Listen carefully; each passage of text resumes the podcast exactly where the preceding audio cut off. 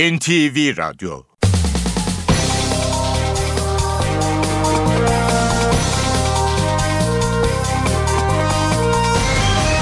İşe Giderken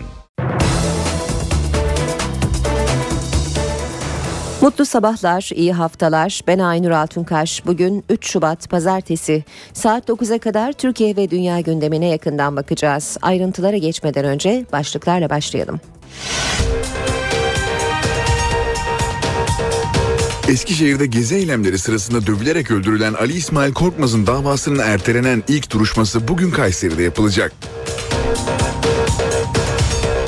Hükümet tutukluluk süresinin üst sınırını 10 yıldan 7,5 yıla indirecek düzenleme hazırlığında. Başbakan Recep Tayyip Erdoğan, 5 bakanla İstanbul Dolmabahçe'deki ofisinde toplantı yaptı. Özel yetkili mahkemelerin kaldırılması ve demokratikleşme paketi toplantının gündem maddelerindendi. Başbakan bugün öğleden sonra Almanya'ya gidecek. Türkiye ile Bulgaristan arasındaki belge krizi devam ediyor. Yaklaşık 200 tır Bulgaristan'ın giriş izni vermemesi nedeniyle sınırda bekliyor. Ehliyet sınavı zorlaştı. Başarı oranı %23 oranında düştü. Bir süredir kanser tedavisi gören eski bakanlardan Rüştü Kazım Yücelen hayatını kaybetti. Amerikalı ünlü aktör Philip Seymour Hoffman New York'taki evinde ölü bulundu. Oscar'lı aktörün ölüm sebebinin aşırı dozda uyuşturucu olduğu sanılıyor. İşe giderken gazetelerin gündemi.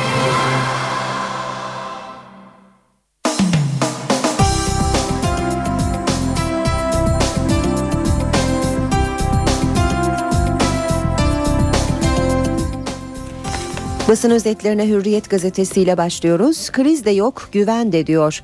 Hürriyet'in manşeti bu sözler. Ee, eski ekonomiden sorumlu Bakan Kemal Derviş'e ait. Hürriyet 2001 krizinin doktoru Kemal Derviş Türkiye'de şu anda ekonomik kriz demeyeyim ama ciddi bir güvensizlik ortamı oluştu değerlendirmesi yaptı diyor.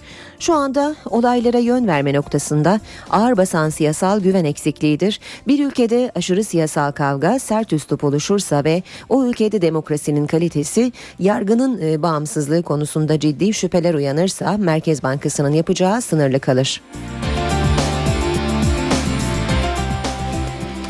Devam edelim yine Hürriyet gazetesinden e, haberler aktarmaya. Sarıgül taksiye bindi istikamet Saraçhane. CHP İstanbul Büyükşehir Belediyesi Başkan adayı Sarıgül Atatürk Havalimanı'nda taksicileri ziyaret etti. Mustafa Sarıgül bir taksinin şoför koltuğuna oturup konuştu. Taksicilerin sorunlarının hepsini bilen şoför Hakkı Baba'nın oğlu İstanbul'a geliyor. İstikametimiz Saraçhane. Bu taksi İstanbul Büyükşehir Belediyesi'ne gider gelmek isteyenler gelsin dedi. Devam edelim yine Hürriyet gazetesinden haberler aktarmaya Dolmabahçe'de mini paket toplantısı. Başbakan Tayyip Erdoğan dün İstanbul'da kurmaylarıyla 5. demokratikleşme paketini masaya yatırdı. Başbakan yardımcıları Atalay Babacan, İçişleri Bakanı Efkan Ala, Adalet Bakanı Bozdağ, Kültür Bakanı Çelik, AK Parti Grup Başkan Vekili Mahir Ünal, Başdanışman Yalçın Aktuğan ve MİT Müsteşarı Hakan Fidan toplantıdaydı. Toplantı 4,5 saat sürdü. Kafanda kurşun varmış dediler. Çatışmada yaralandığı 20 yıl sonra anlaşıldı. Şırnak'ta 1993'te çatışmada yaralanan Er Abdurrahman Dağdelen kaldırıldığı hastanede kurşun sıyırmış denerek ensesine dikiş atıldı. Bir buçuk ay sonra taburcu edilen Dağdelen sürekli baş ağrısı ve işitme kaybından şikayetçi oldu. 1994'te vazife malulüğünden emekli edilen Dağdelen'in şikayetinin ensesindeki mermi çekirdeğinden kaynaklandığı 2013'ün Nisan ayında sonunda anlaşıldı. Dağdelen Milli Savunma Bakanlığı'ndan maddi ve manevi tazminat talep etti. Geçelim Milliyet gazetesine. Töre anne dinlemedi diyor Milliyet manşette. Karnındaki 8,5 aylık bebeğiyle birlikte katledilen genç kız için annesi tek başına savaş verdi ancak sonunda törenin dediği oldu. Babasını kundaktayken kaybeden Hacire Göv son nefesini verdiği 19'una kadar mevsimlik işçi olarak çalıştı. Geçen yaz Cuma adında bir gençle yakınlaşıp hamile kaldı. Cuma ve ailesi bebeği kabul etmeyince anne Melfiye Göv'ün ısrarıyla aile büyükleri kürtaja razı geldi ancak genç kız 3,5 aylık hamileydi. Viranşehir Devlet Hastanesi kürtajı yapmadı. Bunun üzerine anne göv kızını Diyarbakır'da sakladı. Ancak köy halkı durumdan haberdar oldu. Dalga dalga yayılan Hacire'nin kürtaj olamadığı söylentisi aile büyüklerine ulaştı. Karar verildi. Ceza ölümdü. Tutukluluğa 7,5 yıl sınırı diyor Milliyet bir diğer başlıkta. Adalet Bakanı Bekir Bozdağ özel yetkili mahkemelerin de kaldırılacağı yasal düzenlemelerle ilgili ilk kez somut bilgiler verdi. Uzun tutuklulukta azami sürenin 10 yıldan 7,5 yıla düşürüleceğini söyleyen Bozdağ, ileride bunun 5 yıla çekilmesi lazım dedi. Bozdağ telefon dinlemelerinin 2 ayla sınırlandırılacağını, bu sürenin en fazla bir ay uzatılacağını açıkladı. Toplum af değil adalet istiyor. CHP Genel Başkanı Kemal Kılıçdaroğlu Türkiye'de hukuk ve çözüm önerileri konulu toplantıya katıldı. Toplantı sonrası gazetecilerin sorularını yanıtlayan Kılıçdaroğlu, kaygıları paylaştık, aynı kaygıları ben de taşıyorum dedi. Kılıçdaroğlu özel yetkili mahkemelerdeki pek çok davanın toplumun vicdanını kanattığını biliyoruz. Toplum bundan rahatsız, toplum af değil adalet istiyor dedi. Yine milliyetten bir başlık. Oscar'lı aktör ölü bulundu. Amerikan sinemasının en özgün aktörlerinden Oscar ödüllü Philip Seymour Hoffman evinde ölü bulundu. 46 yaşındaki aktörün neden öldüğü konusunda resmi bir açıklama yapılmadı. Ancak Amerikan basını Hoffman'ın kolunda şırınga ile bulunduğu iddiasında bulundu. Hoffman, Capote filmiyle en iyi erkek oyuncu Oscar'ını kazanmıştı. Yine Milliyet gazetesinden aktaralım. Pelikanı merak öldürdü. Büyük Menderes çevresinde uçan bir tepeli pelikan silahlı kişiler tarafından vuruldu. Nesli, tük, e, nesli tehlike altında olan tepeli pelikanlarla ilgili proje yürüten Ege Üniversitesi Biyoloji Bölümü öğretim üyesi Doktor Ortaç Onmuş böyle büyük kuşları merak sonucu vurup yere düşmesini büyük bir hazla seyreden kişiler olduğunu öğrendik dedi. Aslandan timsaha altı pençe. Galatasaray kendi evinde son haftalarda başarılı sonuçlar alan Bursa Spor'u ağırladı. Maça çok hızlı başlayan Sarı Kırmızılar ilk yarıyı Snyder ve Eboye'nin attığı 4 golle bitirdi. 50 bin taraftarı önünde coşan Galatasaray ikinci yarıda Drogba ve Selçuk İnan'ın golleri sonrası Bursa Spor'u 6-0'lık bir galibiyetle uğurladı. Lider Fenerbahçe'nin bu hafta puan kaybetmesiyle iki takım arasındaki puan farkı 7'ye düştü. Devam edelim e, gazetelerden haberler aktarmaya. Sabah gazetesine bakalım. İmamlar firarda diyor Sabah. Paralel yapının beyin takımında panik. Yargı imamı Gülen'le görüşmek için Pensilvanya'ya uçtu. Emniyet imamı da ev değiştirip kayıplara karıştı diyor. Sabah gazetesi haberinde. Bir diğer başlık pakete son düğüm. Başbakan Erdoğan dün İstanbul'da kurmaylarıyla demokratikleşme paketi ekine son rötuşları yaptı. Radikal gazetesine bakalım. Ses savaşları manşetiyle çıkmış Radikal, internetten kayıt yayımlama krizin en ilginç boyutunu oluşturuyor. Sansür tartışması da canlanırken kayıtlar ilk olarak ana akım dışı sitelere konuyor.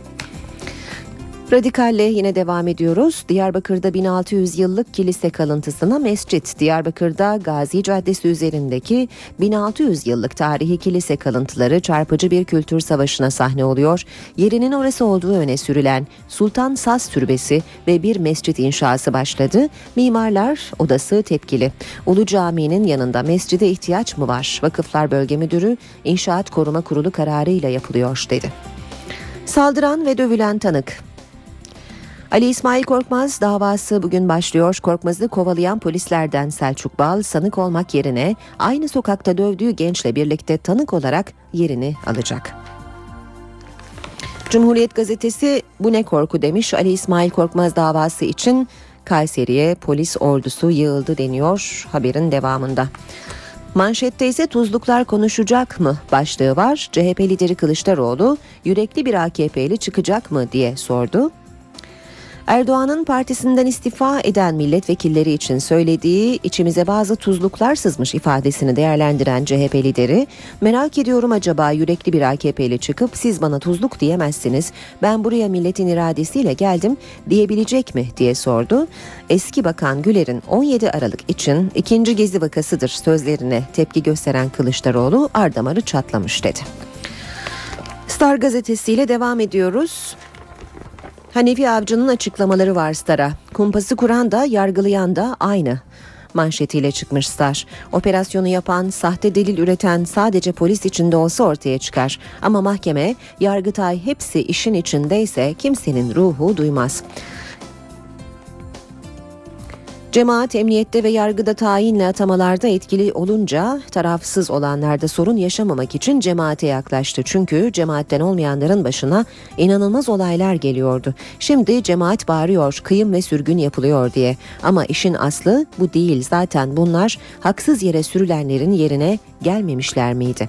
Paralel yapılanma sadece emniyette olsa tek bir sahte delil üretemez. Polis yaptığı amiri anlar. Mahkeme anlamazsa yargıtay anlar ama ya hepsi işin içindeyse sistemi daraltmışlar. Sahte delil üretmek iki birimle sınırlandırılmış. Terör ve istihbarat böylesi dar bir sahada istediğinizi yaparsanız kimsenin de ruhu duymaz. Hanefi Avcı'nın sözleri böyle. Annesini sırtladı Türkiye'ye sığındı. Suriye'de IŞİD'le Türkmenler arasında çatışmalardan kaçan bir Türkmen 80 yaşındaki hasta annesini sırtında taşıyarak Türkiye'ye sığındı. Sınırda kısa bir baygınlık geçiren El Muhammed adlı Türkmen annesini Kilis'ten gelen yakınlarına teslim etti. Habertürk'le devam ediyoruz. Kota gerekmez 50 bini ağırlarız diyor Habertürk'ün manşeti. Anzaklar Çanakkale Savaşları'nın 100. yıl töreni için 110 e, bin kişilik kota koydu ama belediye başkanı evimizi açarız isteyen gelsin diyor. Sürmanşet, velinin telafi sınavı isyanı. Yeni SBS'de soru iptalleri yüzünden ilk sınava giren mazeret sınavına girene göre daha az puan alacak. Çünkü iptal edilen sorular değerlendirme dışı tutulmadı. Mazeret sınavına girip 3 soru fazla yapanlar 0,5 puan avantaja sahip olunca veliler bakanlığa şikayet dilekçesi yağdırdı. Artık gelin Allah aşkına 16 yıldır oradasınız. AK Parti Başkan e, AK Parti Başkan Yardımcısı Mehmet Ali Şahin, Fethullah Gülen'e Amerika'dan Türkiye'ye dönmesi çağrısında bulundu. Sizin vatanınız burası. Kardeşiniz öldü, cenazesine gelemediniz. Yakınlarınız öldü, gelemediniz. Yoksa orada sizi istemediğiniz şekilde bağlantılar içine mi soktular? Bırakmıyorlar mı? Hoca Efendi'nin bu gelişmeler karşısında bir değerlendirme yaparak tedbir alması gerektiğini düşünüyorum ve tekrar ediyorum. Gelin artık Türkiye'ye. Kadına kezzaplı canavarlık. İstanbul Kartal'da Segbetullah Turgut boşanmak isteyen eşine kezzapla saldırdı. Bir çocuk annesi Özgür Turgut'un yüzü tanınmayacak hale geldi. Geçelim Zaman Gazetesi'ne 17 Aralık darbe değil yolsuzluk operasyonu diyor Zaman manşette 17-20 Ocak tarihlerinde 3038 kişiyle yüz yüze yapılan araştırmanın sonuçlarına yer vermiş. Zaman Cihan'ın yaptığı toplumsal gündem araştırması 17 Aralık yolsuzluk ve rüşvet operasyonunun ardından başlayan tartışmalardan sonra toplumda güvenilirlik, hükümet politikaları ve siyasi tercihlerde ciddi kırılmaların yaşandığını ortaya koyuyor. Katılımcıların %71,3'ü gerilim ve krizden çıkmak için Cumhurbaşkanının daha aktif olması gerektiğine inanıyor, diyor zaman haberinde. Ve Yeni Şafak'a bakalım Hanefi Avcı gibi demiş Yeni Şafak manşette paralel yapılanmanın kendisine rakip gördüğü emniyet müdürlerini nasıl tasfiye ettiği bir bir ortaya çıkmaya başladı. 2009'da Emniyet Genel Müdür Yardımcıları Celal Uzunkaya ve Mustafa Gülcü'nün Hanefi Avcı gibi uydurma deliller, asılsız ihbar mektupları ve medya propagandasıyla çeteye dahil edildiği anlaşıldı diyor Yeni Şafak haberinde. Saat 7.18 bu bölümümüze yangın haberleriyle başlayacağız. Erzurum'da bir kargo şirketine ait toplama merkezinde çıkan yangında bir kişi öldü, biri ağır dört kişi de yaralandı. Ilıca yolu üzerinde bulunan depoda saat 3 sıralarında deposu donan bir araç ısıtılmaya çalışıldığı sırada patlama meydana geldi. Patlamanın etkisiyle bir anda depo içinde bulunan kargo malzemeleriyle araçlar alevler içinde kaldı. Rüzgarın etkisiyle kısa sürede binanın içi ve çatı kısmının alevlere teslim olduğu yangın sırasında binada mahsur kalan bir kişi hayatını kaybetti. Yaralılar hastanede tedavi altına alındı. Ekiplerin yaklaşık 3 saat süren çalışmasının ardından yangın kontrol altına alınırken binada büyük çaplı maddi hasar meydana geldi. Ve İstanbul'dan iki yangın haberi var. Hafta sonu mobilya fuarının düzenlendiği CNR Fuar Merkezi'nde yangın çıktı. Fuarın bir standında çıkan yangın çok fazla yayılmadan söndürüldü ama fuar alanında zarar büyük. Yangın merkezin birinci salonunda saat dört buçuk sıralarında çıktı. Bir gün önce biten mobilya fuarında sergilenen eşya çıkarılmıştı ancak standlar daha toplanmamıştı. Yangın da o standların birinde başladı. Alevler yaklaşık bir saatte söndürüldü. Yangının çıkış nedeniyle ilgili araştırma sürüyor. Bir başka yangın haberi Beşiktaş'tan Küçük Çiftlik Park konser alanında bir depoda yangın çıktı. Yangın bir saat süren çalışma sonucu kontrol altına alındı. Yangın akşam saatlerinde çıktı. Konser alanında kullanılan malzemenin olduğu depodan bilinmeyen bir nedenle alevler yükseldi. Görevlilerin ihbarı üzerine olay yerine çok sayıda itfaiye gitti. Ekipler alevleri bir saat süren müdahalenin ardından kontrol altına aldı. Olayda yaralanan olmadığı yangının nedeni araştırılıyor. Batıda fırtına deniz ulaşımını aksatıyor. Çanakkale Boğazı'nda etkili olan şiddetli rüzgar nedeniyle Lapseki Gelibolu feribot hattında gece yapılması gereken seferler iptal edildi. Çanakkale'nin Lapseki ilçesinde etkili olan rüzgar nedeniyle Lapseki Gelibolu feribot seferleri saat 23'ten itibaren iptal edildi. Rüzgarın saatteki hızı zaman zaman 110 kilometreye kadar çıktı. Bu arada İDO'nun da 7.30'da yapılacak Bandırma Yenikapı Bostancı seferi de iptal edildi.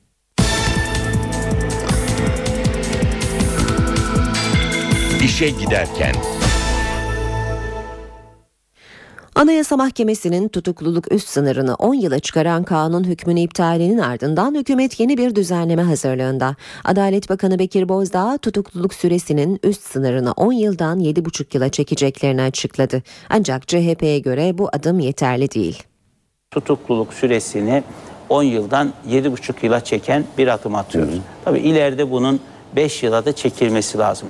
Çok tartışılan uzun tutukluluk süresinin üst sınırı 10 yıldan 7,5 yıla çekiliyor. Anayasa Mahkemesi devlete karşı terör suçlarında azami tutukluluk süresini 10 yıla çıkaran düzenlemeyi iptal etmiş, makul süre olarak 5 yılı işaret etmişti. Bu kararın ardından hükümet harekete geçti. Adalet Bakanı Bekir Bozdağ yapılacak düzenlemeyi anlattı. 10 yıllık tutukluluk süresi gerçekten çok. Eğer bir devlet bir vatandaşını 10 yıl süreyle soruşturup kovuşturmasını yapıp hala sen bu suçu işlemişindir cezan da şudur diyemiyorsa hı hı. orada hukuk devleti bakımından savunulacak hiçbir durum yoktur. Esasında 5 yıla çekilmesi gerekir fakat e, yaptığımız etki analizleri çerçevesinde bunun 7,5 yıl olarak şu anda belirlenmesi e, noktasında bir çalışmamız var. Bozdağ'ın bu açıklamaları muhalefet cephesinde de yankı buldu. CHP lideri Kemal Kılıçdaroğlu bu adımın yeterli olmadığını, asıl çözümün özel yetkili mahkemelerin kararlarının iptali olduğunu savundu. 7,5 yıla çekmeleri e, bir aşama ama bence süreyi uzatmak veya süreyi kısaltmanın çok daha ötesinde özel yetkili mahkemelerin e, verdiği kararların e, mutlaka yeniden gündeme getirilmesi gerekiyor. Yani bu mahkemelerin verdiği kararların iptal edilip yargılamanın yeniden yapılması gerekiyor. Başbakan Tayyip Erdoğan 5 bakanla İstanbul Dolmabahçe'deki ofisinde toplantı yaptı. Özel yetkili mahkemelerin kaldırılması ve demokratikleşme paketi toplantının gündem maddelerindendi.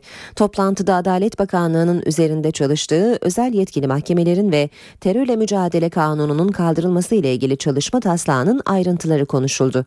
15 ila 17 maddeden oluşan yeni bir düzenlemenin ekleneceği demokratikleşme paketi de bu toplantıda ele alındı. Üzerinde çalışılan bir diğer konu ise savcılık talebiyle yapılan telefon ve ortam dinlemelerine getirilecek sınırlandırma oldu.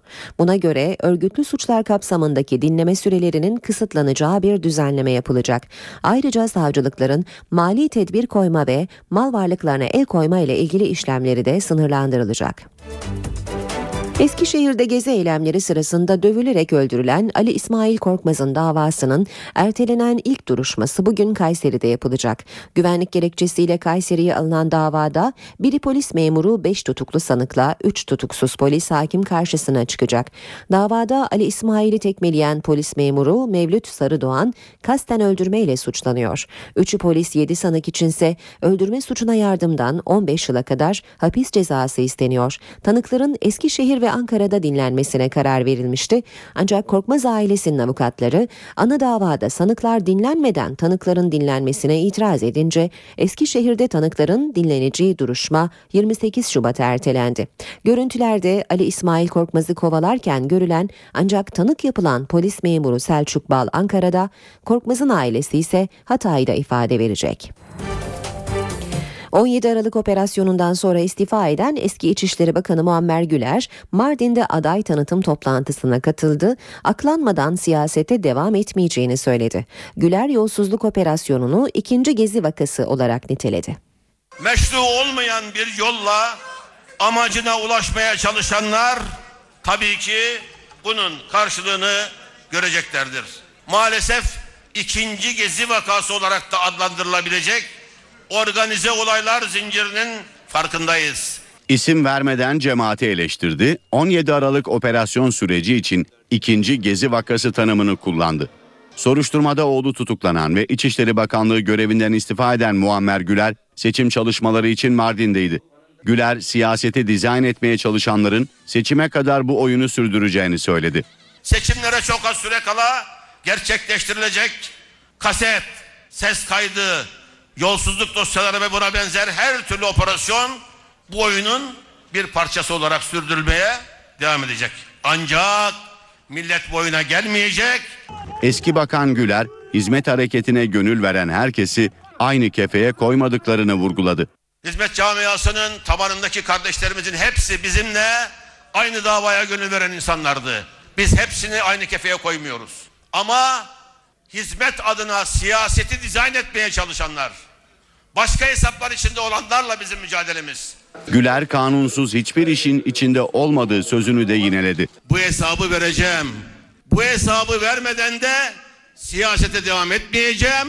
Mardinlerden de herhangi bir talepte bulunmayacağım.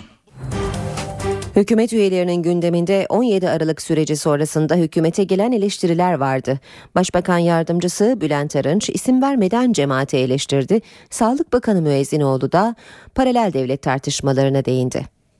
Siz bana seçim kaybettirirseniz ben bunun karşılığını bir başka seçimde alırım. Ben öyle bir partiyim ki düştüğüm yerden anında ayağa kalkmasını, dimdik durmasını bilecek güçteyim. Başbakan yardımcısı Bülent Arınç 17 Aralık operasyonu sonrası gelişmeleri değerlendirdi.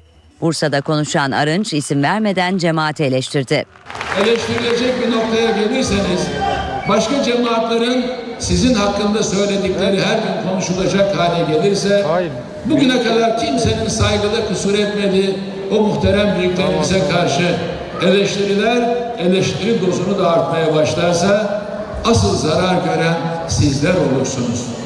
Sağlık Bakanı Mehmet Müezzinoğlu da sürece değindi. Türkiye artık kapalı kapılar ardından yönetilemez dedi. Kimse milli iradeye artık müdahale edemeyecek. Kimse artık Türkiye'yi kapalı kapılar ardında planlar yaparak yönetemeyecek. İster içeriden olsun, ister dışarıdan olsun, ister okyanus ötesinden olsun hiç fark etmez. Çünkü bu millet artık kendisiyle daha önce yapılan oyunların ağır bedellerini ödedi. Artık yeni bedeller ödemek istemiyor. CHP Genel Başkanı Kemal Kılıçdaroğlu İstanbul'da avukatlarla bir araya geldi. Kılıçdaroğlu konuşmasında hükümeti eleştirdi. Milletvekilini tuzluk olarak gören başbakan bir tek Türkiye'de var dedi. CHP Genel Başkanı Kemal Kılıçdaroğlu İstanbul'da hukukçularla bir araya geldi. Kılıçdaroğlu, Başbakan Recep Tayyip Erdoğan'ın içimize bazı tuzluklar sızmış açıklamasını değerlendirdi. milletvekilini tuzluk olarak gören bir başbakan ilk kez dünyada Türkiye'de var. O tuzlukların bir kısmı ayıklandı, diğerleri parlamentoda duruyor demek. Kendi milletvekillerine tuzluk diyor. Ben merak ediyorum acaba yürekli bir AKP milletvekili çıkıp Sayın Başbakan siz bana tuzluk diyemezsiniz. Ben bu milletin oylarıyla seçilip buraya geldim diyecek mi? Bunu da merak ediyorum. CHP lideri yeniden yargılama konusuna da değindi. Hükümete yüklendi. Eğer iktidar gerçekten samimi ise, haksızlıkları önlemek istiyorsa, yasa teklifimizi verdik, hükümet de sahip çıkar, beraber bunu çıkarırız ve Türkiye'yi bu ayıptan kurtarmış oluruz.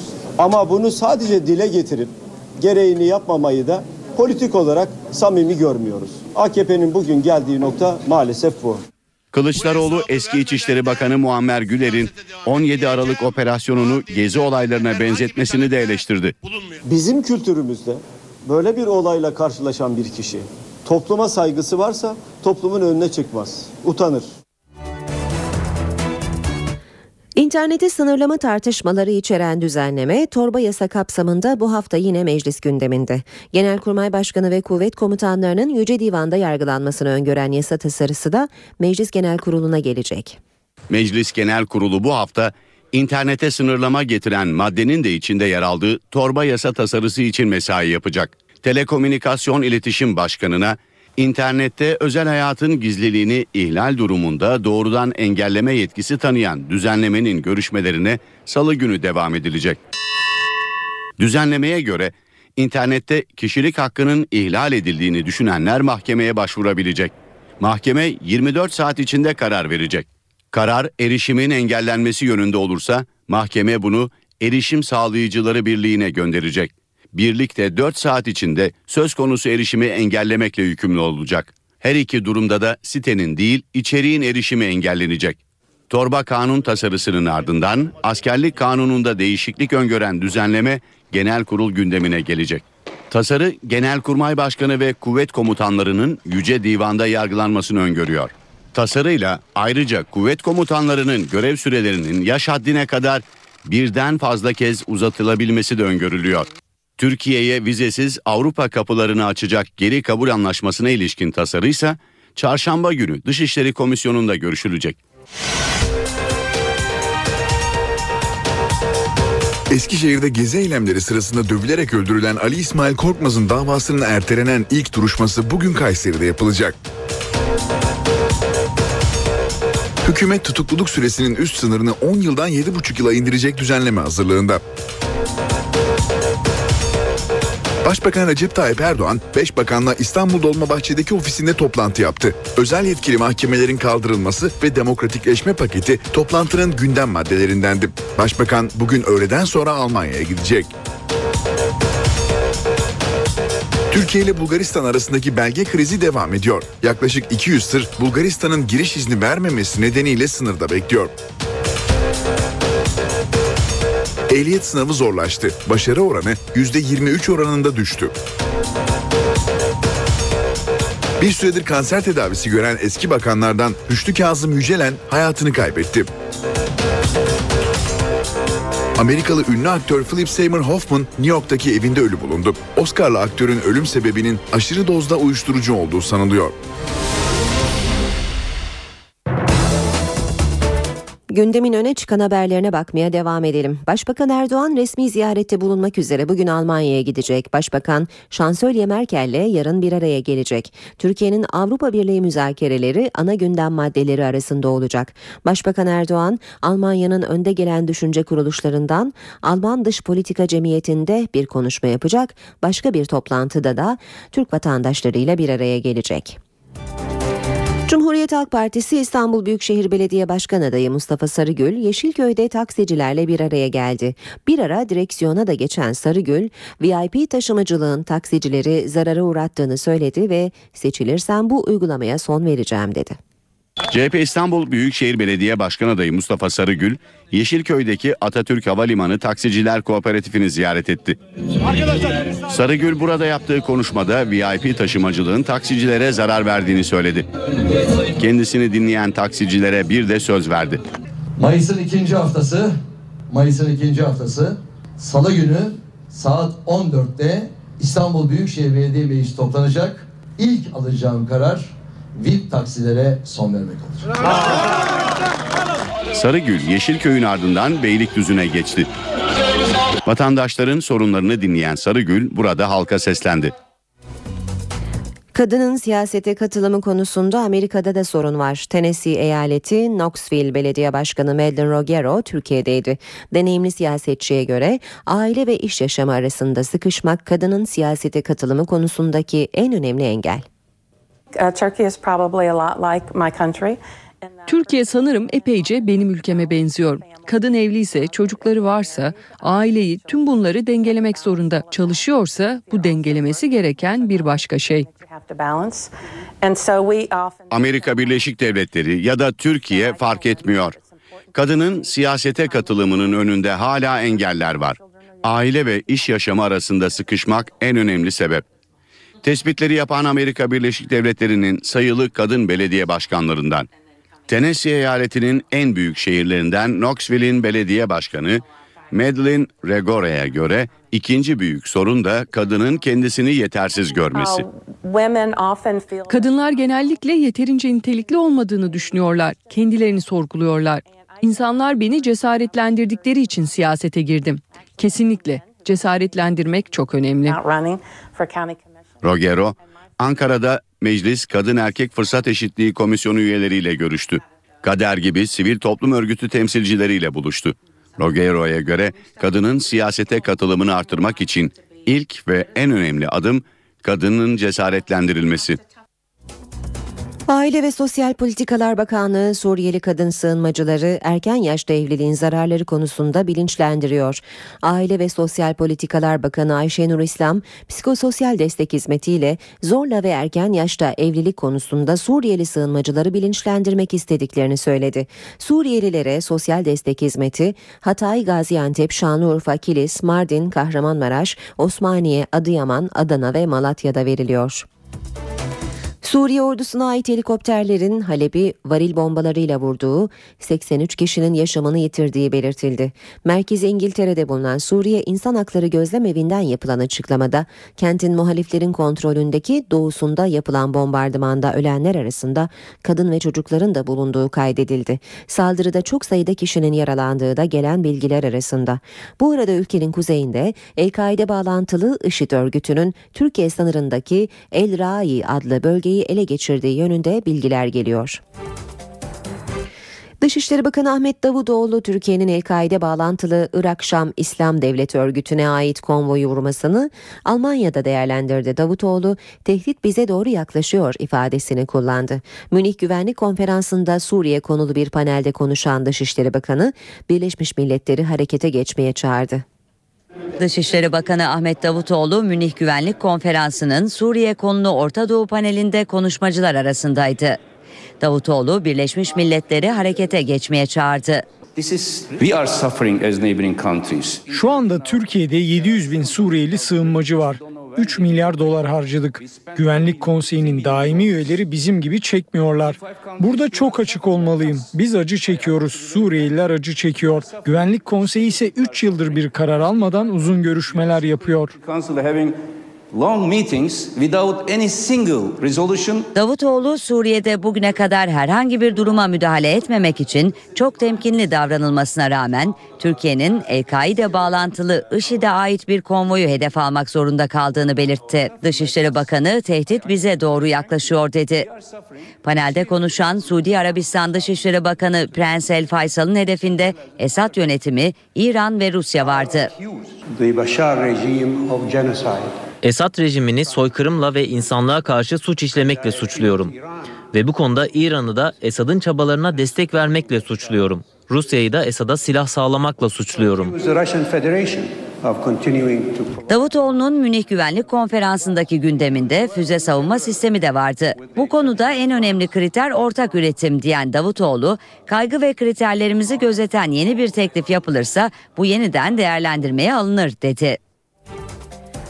Türkiye'nin Suriye sınırında hem karada hem de havada hareketlilik yaşandı. Türk hava sahasına yaklaşan iki Suriye helikopteri F-16'larla uzaklaştırıldı.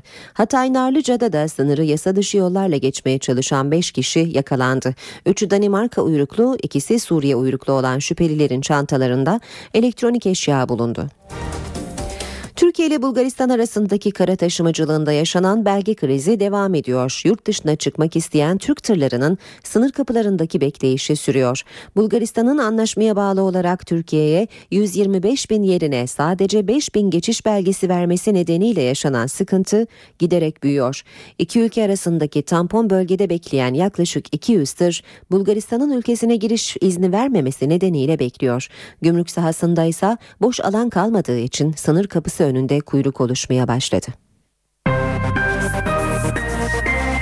İşe giderken Eski bakanlardan Rüştü Kazım Yücelen tedavi gördüğü hastanede hayatını kaybetti. Yücelen bir süredir kanser tedavisi görüyordu. Yücelen 1948'de Anamur'da doğdu. İstanbul Üniversitesi İktisat Fakültesini bitiren Yücelen 17, 18, 19, 20 ve 21. dönemlerde Mersin Milletvekilliği yaptı. Siyasete Anavatan Partisi'nin kuruluş döneminde başlayan Yücelen, Devlet Bakanlığı, Sanayi ve Ticaret Bakanlığı ile İçişleri Bakanlığı görevlerinde bulundu.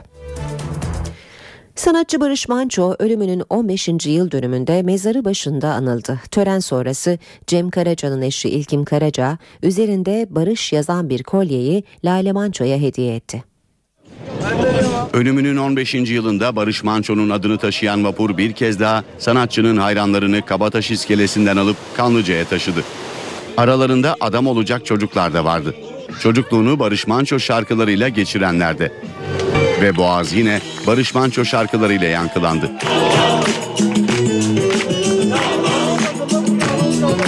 Sanatçının çok sayıda hayranı Kanlıca'daki mezarı başında yapılan anma törenine katıldı. Eşi Lale Manço, oğulları Doğukan ve Batıkan Manço sanatçının kabrini çiçeklerle süsledi. Sevenleri Barış Manço için hep birlikte dua etti. Bütün sevenleriyle beraberiz. 15 yıldır onu hiç burada yalnız bırakmadık. Gittikçe de çoğalan bir e, aileyle geliyoruz artık buraya. Sevgiler hiç eksik olmasın. E, Barış'ın ruhu da şad oluyordur eminim onları gördükçe.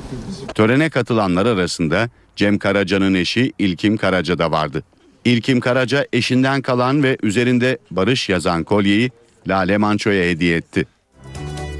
Amerikalı ünlü aktör Philip Seymour Hoffman New York'taki evinde ölü bulundu. Geçen yıl uyuşturucu tedavisi gördüğünü açıklayan Oscar'lı oyuncunun aşırı dozda aldığı uyuşturucudan öldüğü tahmin ediliyor. Ateşli Geceler, Manolya, Görevimiz Tehlike, Capote filmlerinin unutulmaz oyuncusu. Philip Seymour Hoffman, New York'taki apartman dairesinde ölü bulundu. Hoffman'ın ölüm nedeni henüz netlik kazanmadı. New York polisi 46 yaşındaki Amerikalı aktörün kolunda şırınga ile bulunduğunu duyurdu. Hoffman'ın aşırı dozda uyuşturucudan öldüğü tahmin ediliyor. Hoffman, geçen yıl verdiği röportajda uyuşturucu tedavisi gördüğünü söylemişti. Philip Seymour Hoffman adını 1990'lı yıllarda Kadın Kokusu, Ateşli Geceler ve Büyük Lebowski gibi filmlerle duyurdu. Hoffman 2005'te Capote filmindeki Truman Capote rolüyle en iyi erkek oyuncu Oscar'ını aldı. Sinema kariyeri boyunca bağımsız filmlerin yanı sıra büyük gişe yapan filmlerde de rol aldı. Görevimiz Tehlike o filmlerden biriydi. Filmlerin yanı sıra Broadway oyunlarında da yer alan Hoffman iki kez Broadway oyuncularına verilen Tony ödüllerine de aday gösterildi. Sanatçı en son Açlık Oyunları serisinde oynamıştı. Hollywood'un efsane yönetmenlerinden aktör ve senaryo yazarı Woody Allen'a yönelik cinsel istismar suçlaması yine gündemde. Suçlamayı yapan Allen'ın yıllar önce evlatlık evlat edindiği kızı Dylan Farrow. Evlat edindiği kızından ünlü aktör ve yönetmen Woody Allen'a suçlama. Allen'ın aktris Mia Farrow'la birlikte yaşadığı yıllarda evlat edindiği Dylan Farrow sinemanın ünlü ismini ilk kez açıkça suçladı.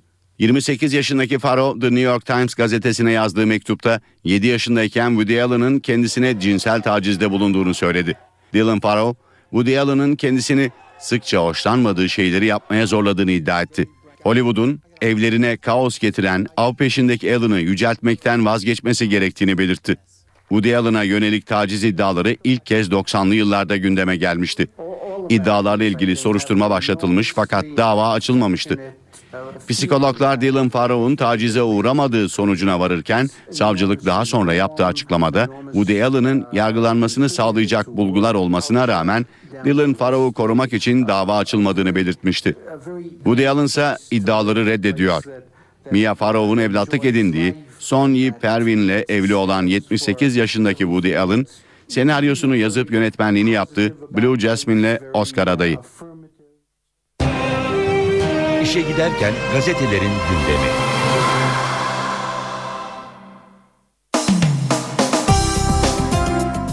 İşe giderkenin bu bölümünde gazetelerden spor haberleri okuyacağız. İlk gazete Fanatik.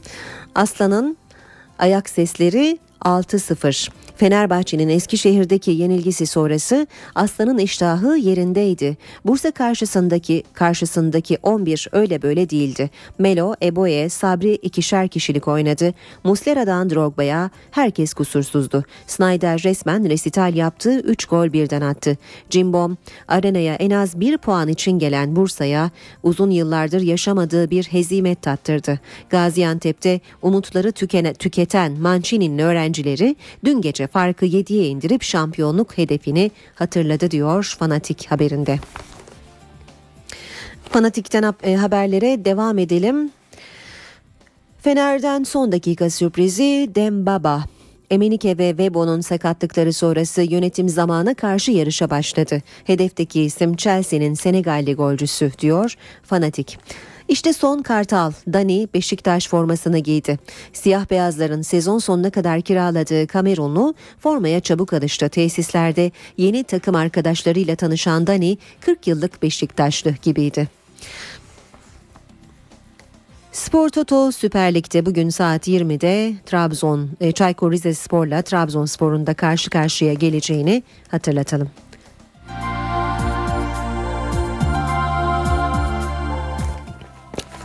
Devam ediyoruz spor haberlerine AMK gazetesiyle. Aslan 6 attı 7 kaldı. Galatasaray Türk Telekom Arena'da Bursa Sporu gol yağmuruna tuttu. Cimbom son haftaların formda ekibi timsahı ezdi geçti. Lider Fener'le puan farkı artık 7 diyor AMK gazetesi. İşte Galatasaray'ın yeni stoperi Burdisso.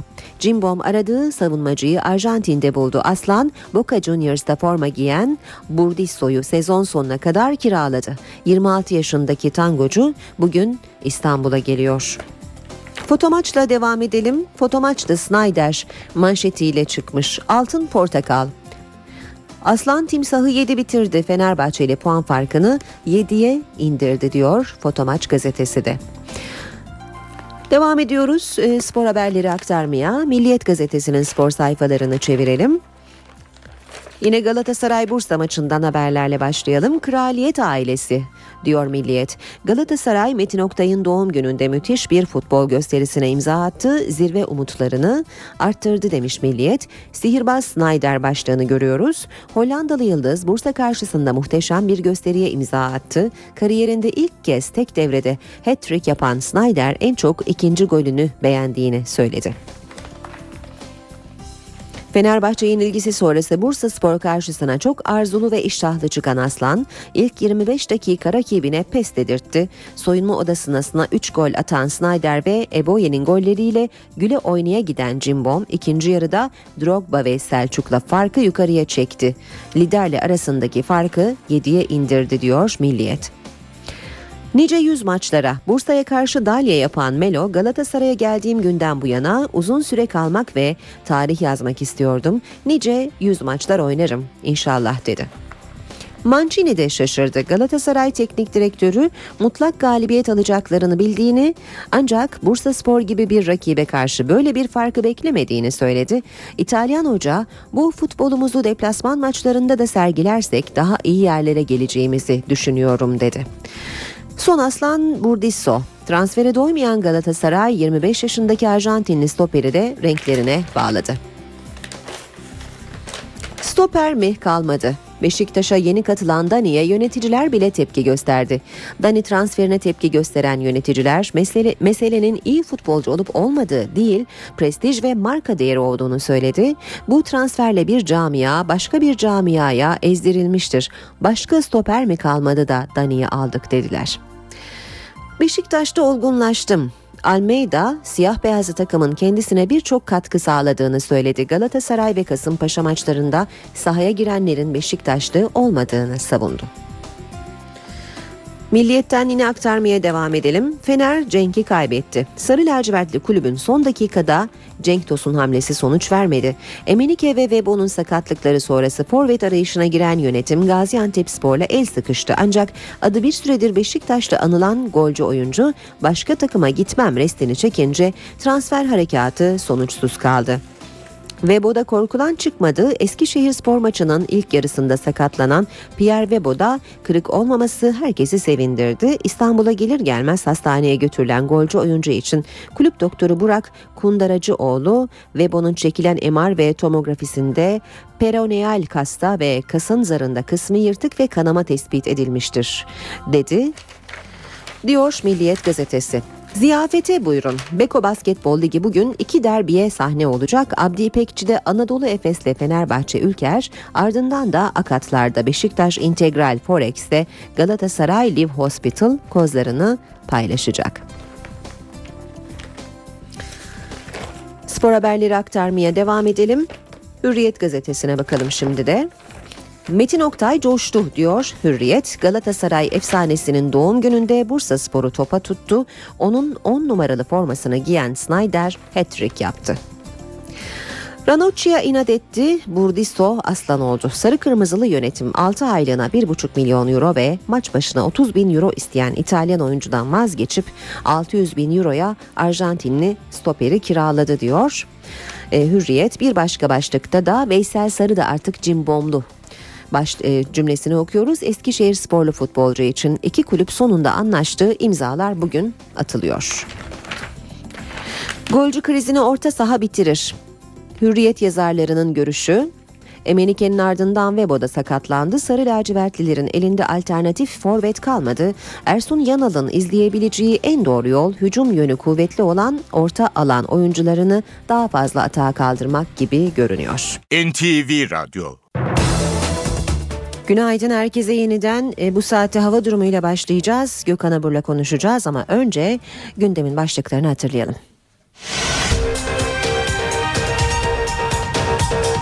Eskişehir'de gezi eylemleri sırasında dövülerek öldürülen Ali İsmail Korkmaz'ın davasının ertelenen ilk duruşması bugün Kayseri'de yapılacak. Hükümet tutukluluk süresinin üst sınırını 10 yıldan 7,5 yıla indirecek düzenleme hazırlığında.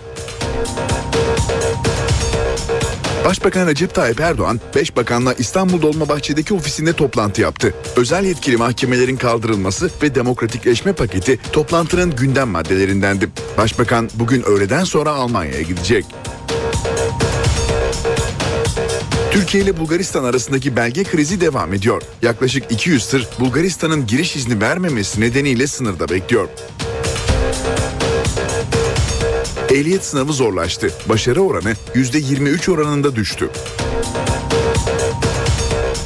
Bir süredir kanser tedavisi gören eski bakanlardan Rüştü Kazım Yücelen hayatını kaybetti. Amerikalı ünlü aktör Philip Seymour Hoffman New York'taki evinde ölü bulundu. Oscar'lı aktörün ölüm sebebinin aşırı dozda uyuşturucu olduğu sanılıyor.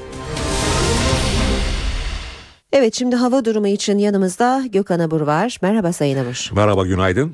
İsterseniz önce batıdaki fırtına ile başlayalım. Hem Gelibolu'da e, hem de e, İstanbul'da bazı deniz seferleri iptal. E, Lapseki Gelibolu arasındaki seferler yapılamıyor. 7.30'daki Bandırma Yenikapı Bostancı deniz otobüsü seferi de iptal edildi. Rüzgar ne kadar kuvvetli? Valla e, aslına bakarsanız tabii fırtına boyutlarında değil ama kuvvetli. Yani İstanbul'da şu anda 18'de yer yer 25 kilometre arasında esen bir Poyraz var. Poyraz aslına bakarsanız son birkaç gündür bir hayli kuvvetli esiyor ve bu bölgede Batı Karadeniz'de, Marmara'da ve Ege'de, Kuzey Ege'de özellikle. Çünkü e, Karadeniz'in kuzey kesimlerine bulunan yüksek basınçtan dolayı Poyraz etkisini bir hayli arttırdı. Yalnız kıyılarda değil, iç kesimlerde de kuvvetli Poyraz var. Ankara'da da şu anda 22 kilometre hızla esen bir Poyraz var. Diyarbakır'a bakıyorum 15 kilometre hızla esen bir karayel var. Yani ülkenin büyük bir çoğunluğunda rüzgar hakim. Ama hemen şunu vurgulamak istiyorum. Ee, yeni bir kurak döneme girdik. Maalesef e, etkili yağışlar şimdilik ara vermiş gibi gözüküyor. Şu an itibariyle yalnızca Marmaris ve civarında hafif bir yağış var. Bu yağışlar önümüzdeki saatler içinde Muğla merkez olmak üzere bölgeyi etkisi altına alıp Fethiye Körfezi'ne doğru ilerleyecek ve bölgede yağış gün boyu aralıklara devam edecek. Samsun ve civarında hafif yağış görülebilir bulutlanmaya bağlı olarak ama bunun dışında ülke genelinde yağış beklemiyoruz. Hava çok soğuk. İç ve doğu bölgelerdeki soğuk hava havanın da açık olmasından dolayı gece saatlerinde don ve buzlanmaya sebep oluyor. Yer yerde sis ve pus etkili oluyor. Ama özellikle yarından itibaren İç Anadolu ve doğudaki sis ve pusun daha da etkili olmasını bekliyoruz. Çünkü iç kesimlerde rüzgar da giderek zayıflayacak. Evet soğuk bir haftaya başladık. Bu soğuk hafta içinde sıcaklıklar oldukça düşük. Ankara'da şu anda hala eksi 3 derece şehir merkezinde bu sıcaklık eksi 1. Hava açık %80'lik nem var ve biraz önce söylediğim Poyraz 22 kilometre hızla esiyor. İstanbul'da sıcaklık 7 derece ama 18 ile 20 kilometre arasında esen Poyraz'dan dolayı hissedilen sıcaklık şu anda İstanbul'da 3 derece civarında. Ve gün içinde İstanbul'da beklediğimiz en yüksek sıcaklık termometre sıcaklığı 9 dereceye çıksa da gün içinde sert esmesini beklediğimiz Poyraz'dan dolayı hissedilen sıcaklık 5-6 dereceler civarında olacak. İzmir'de ise sabah ölçülen Adnan Menderes civarında ölçülen sıcaklık 0 derece. İzmir'de bugün beklediğimiz en yüksek sıcaklıkta 10-11 dereceler civarında olacak. Hava açık, hava oldukça sakin. Gün içinde İzmir'de kuvvetli rüzgar beklemiyoruz. Evet bizleri bekleyen hava koşulları böyle dediğim gibi çok kurak bir döneme girdik. Evet. Rüzgarlar çarşambaya kadar kuvvetleşecek. Çarşambadan sonra rüzgarın güneye dönmesi ve zayıflamasıyla hafta sonu çok büyük olasılıkla batı bölgeler yeniden etkili yağışlarına etki, etkili yağışlara başlamasına neden olabilecek ama e, hafta sonuna kadar önemli bir yağış gözükmüyor. beklemiyoruz. Peki Gökhan Abur teşekkürler. İşe giderken gazetelerin gündemi.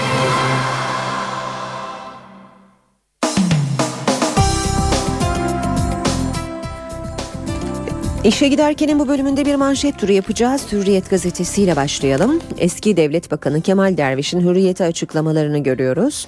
Kriz de yok, güven de başlığıyla manşette yer alıyor haber. 2001 krizinin doktoru Kemal Derviş, Türkiye'de şu anda ekonomik kriz demeyeyim ama ciddi bir güvensizlik ortamı oluştu. Değerlendirmesi yaptı. Şu anda olaylara yön verme noktasında ağır basan siyasal güven eksikliğidir. Bir ülkede aşırı siyasal kavga, sert üslup oluşursa ve o ülkede demokrasinin kalitesi, yargının bağımsızlığı konusunda ciddi şüpheler uyanırsa Merkez Bankası'nın yapacağı sınırlı kalır. Önemli olan güveni yeniden sağlamak, ekonomik dengeleri sağlam tutmak diyor Kemal Derviş. Manşet turunda sırayı Milliyet alıyor. Töre anne dinlemedi demiş Milliyet manşetinde. Karnındaki 8,5 aylık bebeğiyle birlikte katledilen genç kız için annesi tek başına savaş verdi ancak sonunda törenin dediği oldu. Babasını kundaktayken kaybeden Hacire Göv son nefesini verdiği 19'una kadar mevsimlik işçi olarak çalıştı. Geçen yaz Cuma adında bir gençle yakınlaşıp hamile kaldı. Cuma ve ailesi bebeği kabul etmeyince anne Melfiye Göv'ün ısrarıyla aile büyükleri kürtaja razı geldi. Ancak genç kız 3,5 aylık hamileydi. Viranşehir Devlet Hastanesi kürtajı yapmadı. Bunun üzerine anne Göv kızını Diyarbakır'da sakladı. Ancak köy halkı durumdan haberdar oldu. Dalga dalga yayılan Hacire'nin kürtaj olamadığı söylentisi aile büyüklerine ulaştı. Karar verildi. Ceza ölümdü. Devam ediyoruz. Manşet turuna Sabah gazetesiyle İmamlar firarda. Paralel yapının beyin takımında panik. Yargı imamı Gülen'le görüşmek için Pensilvanya'ya uçtu. Emniyet imamı da ev değiştirip kayıplara karıştı diyor Sabah gazetesi manşetinde. Radikale bakalım ses savaşları manşetiyle çıkmış radikal. İnternetten kayıt yayımlama krizin en ilginç boyutunu oluşturuyor. Sansür tartışması da canlanırken kayıtlar ilk olarak ana akım dışı sitelere konuluyor diyor Radikal haberinde. Zaman gazetesinde manşet 17 Aralık darbe değil yolsuzluk operasyonu. Cihan'ın yaptığı toplumsal gündem araştırması 17 Aralık yolsuzluk ve rüşvet operasyonunun ardından başlayan tartışmalardan sonra toplumda güvenilirlik, hükümet politikaları ve siyasi tercihlerde ciddi kırılmaların yaşandığını ortaya koyuyor. Katılımcıların %71,3'ü gerilim ve krizden çıkmak için Cumhurbaşkanı'nın daha aktif olması gerektiğine inanıyor diyor Zaman haberinde. Cumhuriyet'in manşeti tuzluklar konuşacak mı? Erdoğan'ın partisinden istifa eden milletvekilleri için söylediği içimize bazı tuzluklar sızmış ifadesini değerlendiren CHP lideri merak ediyorum acaba yürekli bir AKP'li çıkıp siz bana tuzluk diyemezsiniz ben buraya milletin iradesiyle geldim diyebilecek mi diye sordu. Eski Bakan Güler'in 17 Aralık için ikinci gezi vakasıdır sözlerine tepki gösteren Kılıçdaroğlu ardamarı çatlamış dedi. Star gazetesi var sırada.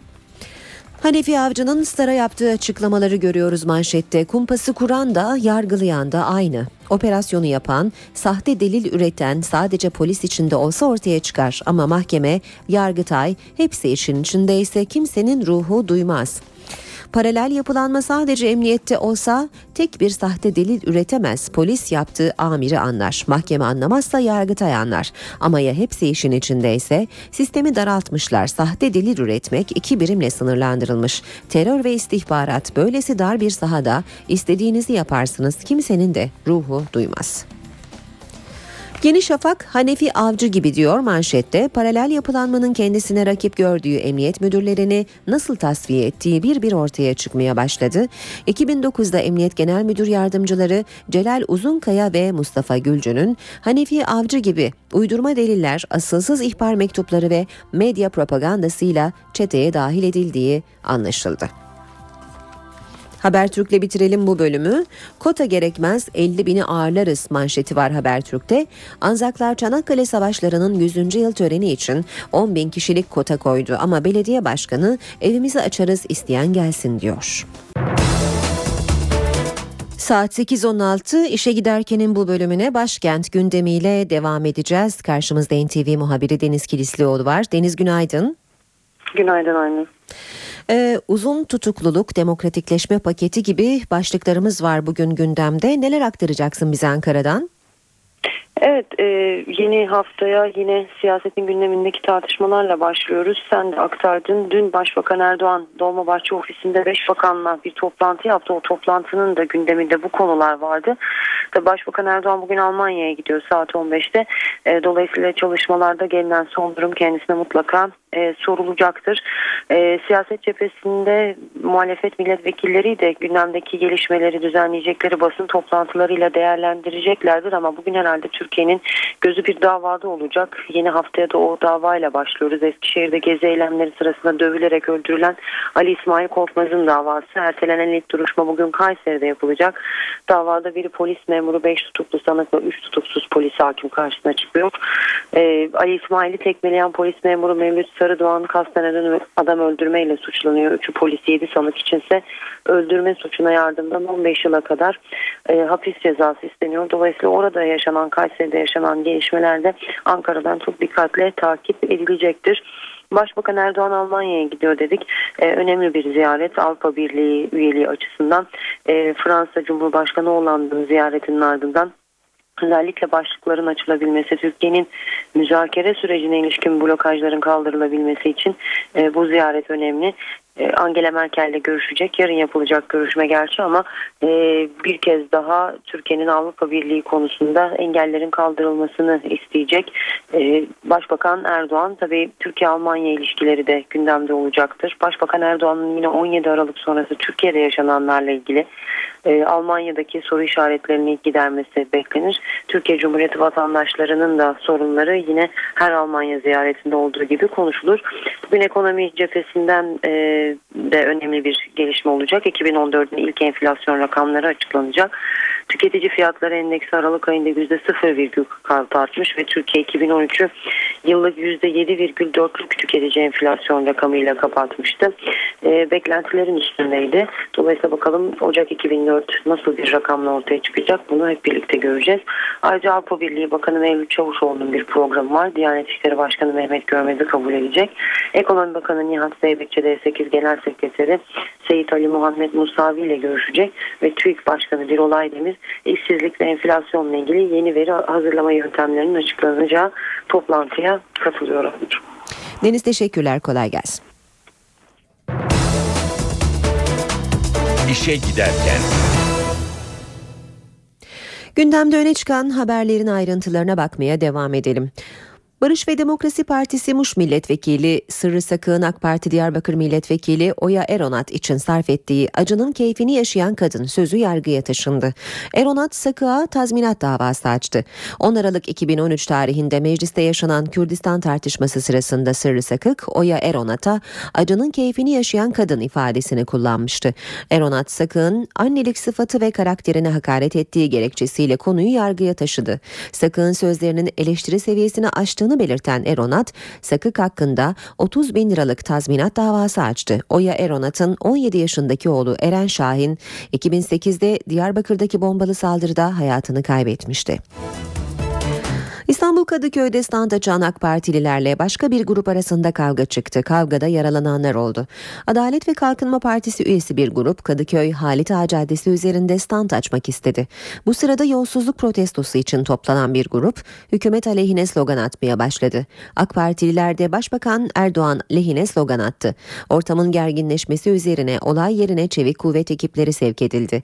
Partililerle slogan atan grup arasına çevik kuvvet ekipleri dizildi. Bu sırada gruptan bazı kişiler AK Parti'ye ait standı tahrip etti. Karşılıklı bayrak sopaları ve stand parçaları fırlatıldı. Tekme ve yumruklu kavga çıktı. Kavgada yaralananlar oldu. Cumhuriyet Halk Partisi Genel Başkan Yardımcısı Umut Oran'ın Başbakan Erdoğan'ın yanıtlaması için verdiği soru önergesinin mahkeme kararıyla internet sitelerinden kaldırılmak istenmesi tartışma yarattı. CHP'li Umut Oran, Başbakan Erdoğan'ın yanıtlaması istemiyle 6 Ocak'ta soru önergesi verdi. Sabah ve ATV'nin satışına ilişkin iddiaları sordu. Telekomünikasyon İletişim Başkanlığı, İstanbul 2. Asya Ceza Mahkemesi'nin 23 Ocak'ta verdiği kararı gerekçe göstererek Oran'dan soru önergesini kişisel internet sitesinden kaldırmasını istedi. Oran Telekomünikasyon İletişim Başkanlığı yazısının mahkeme kararından önce geldiğini belirtti, yasama dokunulmazlığını hatırlattı, önergeyi siteden kaldırmayacağız dedi. Telekomünikasyon İletişim Başkanlığı yetkilileri ise bunun bir sansür olmadığını, başkanlığın mahkeme kararı çerçevesinde uyarıda bulunduğunu savundu.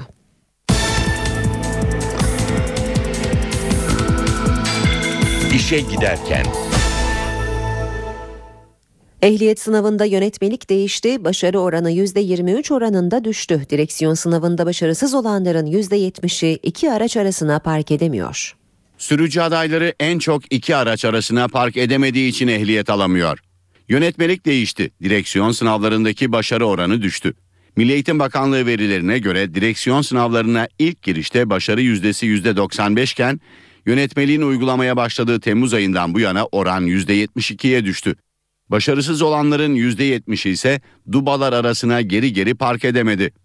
Verilere göre yeni yönetmelik sonrası ehliyet sınavlarında en başarısız il Denizli. Denizli'de sınava giren 100 kişiden yalnızca 44'ü ehliyet alabildi. Başarı oranı en düşük iller sıralamasında Denizli'yi Uşak, Manisa, Edirne ve Rize izledi.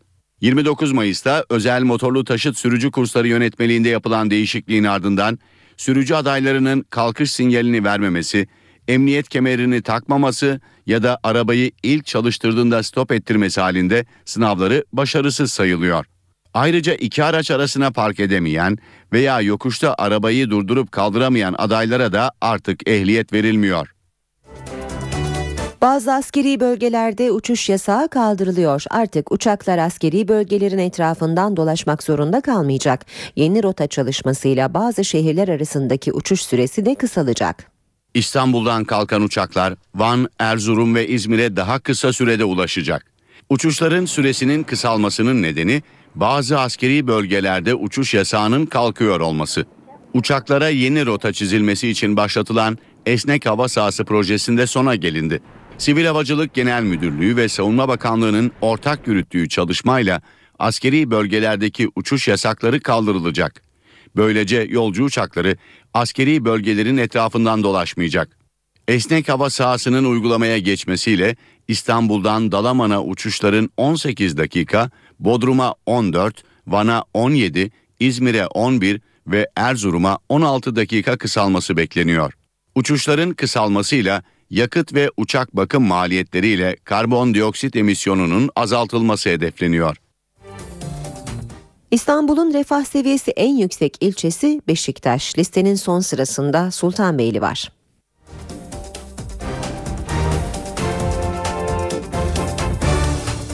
İstanbul'da en zengin ve en eğitimli ilçe Beşiktaş. Listenin sonunda ise Sultanbeyli var. Reyd'in sosyoekonomik derecelendirme kurumu Adana, Ankara, Antalya, Bursa, İstanbul, İzmir ve Kocaeli illerine bağlı 71 ilçeyi mercek altına aldı. İlçeler refah, yaşanabilirlik ve kültür düzeyi açısından derecelendirildi. Araştırmaya göre Türkiye'nin ekonomik ve kültürel açıdan en gelişmiş ilçeleri Ankara, İstanbul ve İzmir'de yer alıyor. Adana, Bursa ve Kocaeli'ye bağlı ilçeler refah ve eğitim seviyesi açısından yükselişte. Fakat Antalya'da özellikle 2013'ün ilk yarısına kıyasla somut bir gelişim yok. Yakın dönemde Türkiye genelindeki bütün mahallelerin analizinin yapılması planlanıyor. Elde edilen veriler başta perakende ve telekomünikasyon olmak üzere pek çok sektör tarafından referans kabul ediliyor. 1 Şubat itibariyle artık cep telefonunda altın, gıda, akaryakıt ürünlerinde kredi kartına taksit yapılmıyor. Satışların azalmasından endişelenen firmalarsa senede yöneldi. Benim için bir sorun yok. Kredi kartımı bilinçli kullanmaya çalışıyorum. Kalkması iyi olmadı halk için. Bizim için de iyi olmadı. Taksitle telefon falan alıyorduk. Kredi kartıyla taksitsiz hayat başladı. Kuyum sektörü, gıda, akaryakıt ürünleri ve cep telefonunda kredi kartına taksit kalktı. Kolay değil kimsenin içinden gelmiyor zaten o kadar para vermek. Ee, genellikle işte önceki kullandığı telefonu kaç sayarsın işte bunun üstüne ne kadar para verebilirim tarzı konuşmalar bu ara sıklaştı. Hani çünkü e, önceden ilk aldıkları telefonu satmazlardı. Kredi kartına taksit kalkınca senetle satış yapan firmaların sayısı arttı. Mobilya, elektronik ürünler ve beyaz eşyada taksit sayısı 9 ile sınırlandırıldı. Ama esnaf ona da çözüm buldu.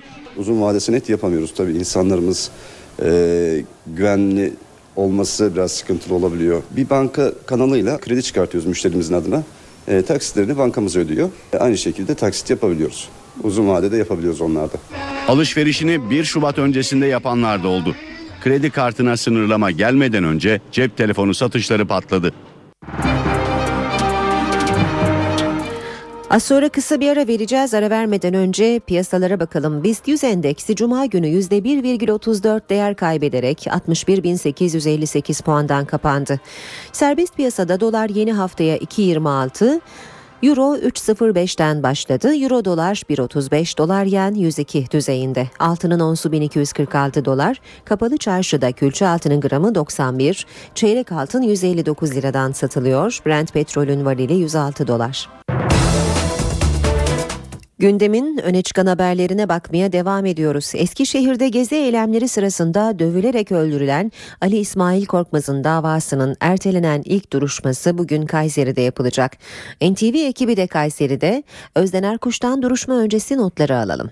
Artık son hazırlıklar yapılıyor. Kayseri'de olağanüstü bir günün yaşandığını söylemek gerekir. 2000'in üzerinde polis Kayseri'nin eski adliyesi valiliğin hemen yanı başında bulunan eski adliyesinin etrafında barikatlar kurmuş. Adliyeye çıkan tüm yollarda kapatılmış durumda. Ali İsmail Korkmaz'ın ölümüyle ilgili dava aslında 20 Kasım 2013 tarihinde Eskişehir'de görülecekti. Ancak güvenlik gerekçesiyle duruşmanın Kayseri'de yapılmasına karar verildi. Ali İsmail Korkmaz davası için çok parçalı bir dava tanımlaması çok da yanlış olmaz. Zira dava dosyasındaki tanıklar Eskişehir ve Ankara'da dinlenecek bu duruşmanın ardından müşteki olaraksa Korkmaz ailesinin ifadesi Antakya'da alındı. Gelelim bugün başlayacak davaya. Davada biri polis memuru olmak üzere 5 tutuklu sanıkla 3 tutuksuz polis bugün hakim karşısına çıkacak. Davada Ali İsmail Korkmaz'ı tekmeleyen polis memuru Mevlüt Sarıdoğan kasten öldürmeyle suçlanıyor. 3'ü polis 7 sanık hakkında ise öldürme suçuna yardım etme suçundan 15 yıla kadar ağır hapis cezası isteniyor. Polis memuru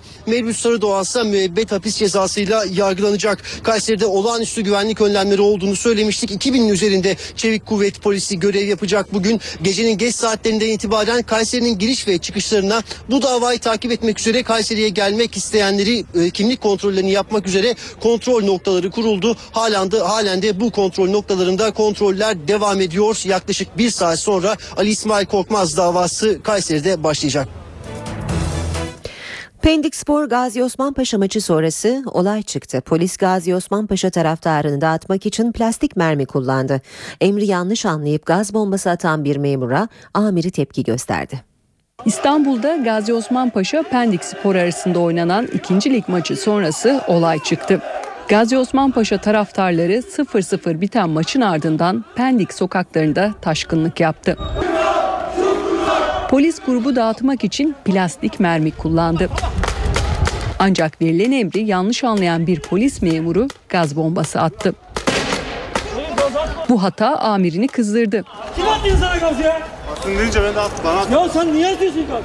Kovalamaca bir süre daha ara sokaklarda devam etti. Ardından polis Pendik sokaklarında sükuneti sağladı. Erzurum'da bir kargo şirketine ait toplama merkezinde yangın çıktı. Yangında bir kişi öldü, biri ağır dört kişi de yaralandı. Organize sanayi bölgesinde bulunan kargo şirketinin deposunda 3 sıralarında deposu donan bir araç ısıtılmaya çalışıldığı sırada patlama meydana geldi. Rüzgarın etkisiyle kısa sürede binanın içini ve çatı kısmını alevler sardı. Yangın sırasında binada mahsur kalan bir kişi hayatını kaybetti, 4 kişi de yaralandı. 3 saat süren çalışma ile kontrol altına alınan yangın binada büyük hasara neden oldu. İstanbul'dan bir yangın haberiyle devam edelim. Hafta sonu mobilya fuarının düzenlendiği CNR Fuar Merkezi'nde yangın çıktı. Fuarın bir standında çıkan yangın çok fazla yayılmadan söndürüldü ama fuar alanında zarar büyük. Yangın merkezin birinci salonunda saat 4.30 sıralarında çıktı. Bir gün önce biten mobilya fuarında sergilenen eşya çıkarılmıştı ancak standlar daha toplanmamıştı. Yangın da o standların birinde başladı. Alevler yaklaşık bir buçuk saatte söndürüldü. Yangının çıkış nedeniyle ilgili araştırma sürüyor. İstanbul Kartal'da bir çocuk annesi 23 yaşındaki Özgür Turgut şiddetli geçimsizlik nedeniyle boşanma davası açtığı eşi Sebgetullah Turgut'un kezzaplı saldırısına uğradı. Genç kadının yüzünde ağır derecede yanık oluştu. Bir çocuk annesi Özgür Turgut şiddetli geçimsizlik nedeniyle işsiz eşi Sebgetullah Turgut'tan boşanmak için 4 ay önce dava açtı. Sabiha Gökçen Havalimanı yemekhanesinde işe başlayan Özgür Turgut, Cuma günü iş dönüşü eşi tarafından Kartal'da durduruldu. Sevgetullah Turgut yere yatırdığı eşinin yüzüne cebinden çıkardığı şişe içindeki kezzabı döktükten sonra kaçtı. Genç kadın Kocaeli Üniversitesi Tıp Fakültesi Hastanesi'nde tedavi altına alındı. 23 yaşındaki eşinin yüzünü kezzapla yakan Sevgetullah Turgut aranıyor. Orman ve Su İşleri Bakanı Veysel Eroğlu barajların doluluk oranı ile ilgili bilgi verdi. Eroğlu yeni gelecek yağışlarla içme suyunda ve sulamada problem olmayacağını söyledi. Ama şu anda yaklaşık yüzde 45, yüzde 40-50 arasında bir barajlarda doluluk var. Şu bir problem yok ama yağışlarda daha önümüzdeki haftalardan sonra yani Şubat ayında ve Mart ayında, Nisan ayında normal gelmesi gereken yağışların geleceği şeklinde bir tahmin var. Onun için şu anda biz vaziyette hakimiz. İşte şehirlerimizdeki içme suyu problemi olmayacak. Sulama suyunda herhangi bir problem olmayacak. Bin günde bin göleti de bu yıl sonuna bitirmeyi sulamasıyla beraber bitirmeyi sözünü verdik. Yani bu sıkıntı bir kuraklık var evet bunu da itiraf edeyim. 6-7 yıl 8 yılda bir kuraklık oluyor ama biz buna karşı tedbirleri aldık. Geçmişte bir kuraklık yokken bile şehirler susuzdu ama şu anda susuz şehrimiz yok. Erzincan'ın yaralı Erzincan'da yaralı halde bulunan Vaşak tedavi için Kars'a götürülürken öldü. Kemah yakınlarında bulunan ve avcılar tarafından vurulduğu tahmin edilen Vaşak Erzincan Belediyesi hayvan barınağındaki ilk tedavisinin ardından ayaklarına platin takılmak üzere Kars'a gönderildi. Yolda ölen Vaşak'ın ayaklarında saçma izleri ve kırıklar tespit edildi. Diyarbakır'da bir çoban tarafından vurularak öldürülen ve nesli tükenmekte olan leopar uzun süre gündemden düşmemişti. Tahnit yöntemiyle içi doldurulan o leopar artık Ankara'da sahne, sergileniyor. Diyarbakır'da bir çoban tarafından vurularak öldürülen, nesli tükenmekte olan leopar doldurularak Ankara'ya getirildi. Leopar Dünya Sulak Alanlar Günü kapsamında Ankara'da bir otelde sergilenmeye başladı. Orman ve Su İşleri Bakanı Veysel Eroğlu da Leopar'ın ilk ziyaretçilerindendi. Vurulduktan sonra kuzunun tahnitini yaptırdık. Gerçekten güzel oldu. Şimdi sergileyeceğiz. Bazı ilçelere, illere götürerek e, vatandaşlara göstermek istiyoruz. Nesli tükenmekte olan hayvanları nasıl koruduklarını anlatan Bakan Eroğlu, bu hayvanları öldürenlere büyük cezalar verildiğini de hatırlattı. Bazı yaban hayatını yakaladıklarımıza e, özellikle e, çip takıyoruz, onları kelepçeliyoruz. Çok büyük cezalar var yani bunlar e, özellikle büyük paralı cezaları var. Yani e, ayrıca e, bütün e, av malzemelerine, aracına, gerecine el konuyor. 3 Kasım 2013'te Diyarbakır'ın Çınar ilçesinde bir çoban tarafından vurulan leoparın önce İstanbul'da DNA ve hücre örnekleri incelendi ve İran parsı olduğu belirlendi. Daha sonra leoparın postu çıkarılarak 43 yıllık tahnit ustası İhsan Yey tarafından Amerika Birleşik Devletleri'nden getirilen özel cansız bir mankene giydirildi. Buzullardan alınarak sıcağın kavurduğu Afrika kıtasına götürülen iki kutup ayısından biri öldü. Uzmanlar eşini kaybeden diğer ayının da fazla yaşayamayacağını söylüyor. Güney Afrika'nın Johannesburg Hayvanat Bahçesi yasta. Nedeni Afrika kıtasındaki son iki kutup ayısından birinin ölümü. İki kutup ayısı yaklaşık 30 yıl önce bir araya getirildi. Erkek olan Weng, Japonya'daki bir hayvanat bahçesinden, dişi olan GB ise Kanada'dan Güney Afrika'ya götürüldü.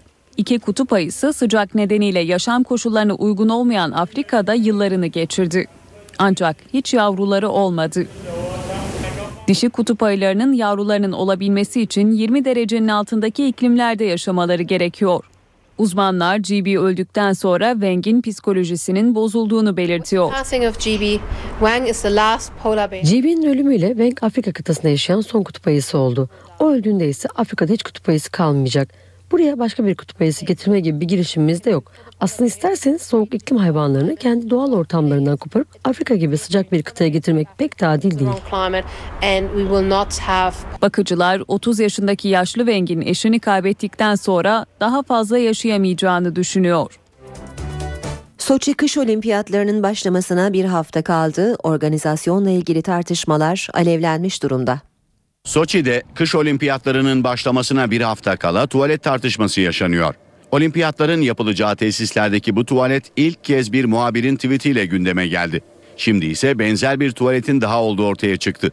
Bayanlar için düzenlenmiş olan bu tuvalet, Soçi kış olimpiyatlarında çalışacak görevliler ve gönüllüler için. Tuvaleti görenler şaşkın. Ne söyleyeceğimi bilmiyorum. Alışkın değilim. Soçi Organizasyon Komitesi ise bu ikinci tuvaletten haberi olmadığını duyurdu. Tartışmalara karşın bu tuvaletlerin tesisat hatası mı yoksa projenin bir parçası olup olmadığı merak ediliyor. Rusya'nın milyarlarca dolar yatırım yaptığı Soçi kış olimpiyatları 7 Şubat'ta başlayacak ve 23 Şubat'ta sona erecek. Amerikalı ünlü aktör Philip Seymour Hoffman New York'taki evinde ölü bulundu. Geçen yıl uyuşturucu tedavisi gördüğünü açıklayan Oscar'lı oyuncunun aşırı dozda aldığı uyuşturucudan öldüğü tahmin ediliyor. Ateşli Geceler, Manolya, Görevimiz Tehlike, Capote filmlerinin unutulmaz oyuncusu. Philip Seymour Hoffman, New York'taki apartman dairesinde ölü bulundu. Hoffman'ın ölüm nedeni henüz netlik kazanmadı. New York polisi 46 yaşındaki Amerikalı aktörün kolunda şırınga ile bulunduğunu duyurdu. Hoffman'ın aşırı dozda uyuşturucudan öldüğü tahmin ediliyor. Hoffman, geçen yıl verdiği röportajda uyuşturucu tedavisi gördüğünü söylemişti. Philip Seymour Hoffman adını 1990'lı yıllarda Kadın Kokusu, Ateşli Geceler ve Büyük Lebowski gibi filmlerle duyurdu. Hoffman 2005'te Capote filmindeki Truman Capote rolüyle en iyi erkek oyuncu Oscar'ını aldı. Sinema kariyeri boyunca bağımsız filmlerin yanı sıra büyük gişe yapan filmlerde de rol aldı. Görevimiz Tehlike o filmlerden biriydi. Filmlerin yanı sıra Broadway oyunlarında da yer alan Hoffman iki kez Broadway oyuncularına verilen Tony ödüllerine de aday gösterildi. Sanatçı en son Açlık Oyunları serisinde oynamıştı. Hollywood'un efsane yönetmenlerinden aktör ve senaryo yazarı Woody Allen'a yönelik cinsel istismar suçlaması yine gündemde. Suçlamayı yapan Allen'ın yıllar önce evlat edindiği kızı Dylan Farrow. Evlat edindiği kızından ünlü aktör ve yönetmen Woody Allen'a suçlama. Allen'ın aktris Mia Farrow'la birlikte yaşadığı yıllarda evlat edindiği Dylan Farrow sinemanın ünlü ismini ilk kez açıkça suçladı. 28 yaşındaki Farrow The New York Times gazetesine yazdığı mektupta 7 yaşındayken Woody Allen'ın kendisine cinsel tacizde bulunduğunu söyledi. Dylan Farrow, Woody Allen'ın kendisini sıkça hoşlanmadığı şeyleri yapmaya zorladığını iddia etti. Hollywood'un evlerine kaos getiren av peşindeki Allen'ı yüceltmekten vazgeçmesi gerektiğini belirtti. Woody Allen'a yönelik taciz iddiaları ilk kez 90'lı yıllarda gündeme gelmişti. İddialarla ilgili soruşturma başlatılmış fakat dava açılmamıştı. Psikologlar Dylan Farrow'un tacize uğramadığı sonucuna varırken savcılık daha sonra yaptığı açıklamada Woody Allen'ın yargılanmasını sağlayacak bulgular olmasına rağmen Dylan Farrow'u korumak için dava açılmadığını belirtmişti. Woody Allen ise iddiaları reddediyor. Mia Farrow'un evlatlık edindiği Sonny Pervin'le evli olan 78 yaşındaki Woody Allen senaryosunu yazıp yönetmenliğini yaptığı Blue Jasmine'le Oscar adayı. İşe giderkenin sonunda bir dış basın turu yapacağız. İngiltere'de yayımlanan Independent gazetesi eski İngiltere İçişleri Bakanı Jack Straw'un Tahran temaslarına yer veriyor. Habere göre Straw 2013 yılında İran Cumhurbaşkanı olan Hasan Ruhani'nin İran'ı değiştirdiğini belirtiyor. Jack Straw batılı ülkelere İran'la ilişkilerin yeniden yapılandırılmasının zamanıdır uyarısında bulunuyor. Hindistan'ın Times of India gazetesi Ukrayna'daki protestoların önde gelen isimlerinden olan ve darp edilmiş halde bulunan Dimitri Bulatov'un tedavi için Ukrayna'dan ayrıldığını duyurdu. Kitlesel kargaşa çıkarmak gerekçesiyle hakkında tutuklama kararı bulunan Bulatov geçen günlerde kaçırılmış ve ormanlık bir alanda darp edilmiş olarak bulunmuştu. Amerika Birleşik Devletleri'nin Washington Times gazetesi 2012 yılında 32 kişinin ölümüne sebep olan İtalya'daki Costa Concordia felaketine dair yeni bir gelişmeyi sayfalarına taşıyor. Haberde geminin enkazı üzerinde çalışan bir dalgıcın metal bir parçanın ayağını keserek hayatını kaybetmesini sayfalarına taşıyor. Felaketten iki yıl sonra bilançoya bir kişi daha ekleniyor. Amerika'da yayımlanan bir başka gazete olan Washington Post gazetesi Tayland'daki erken seçimleri haberleştiriyor. Milyonlarca seçmen erken genel seçim nedeniyle sandık başına gitti. 18 şehirde protestolar sırasında çıkan olaylar nedeniyle seçimler iptal edilerek 23 Şubat'a ertelendi. 59 şehirdeki oy verme işlemi ise sorunsuz bir şekilde tamamlandı. Dış basın turuyla işe giderken sona erdi. Hoşçakalın. NTV Radyo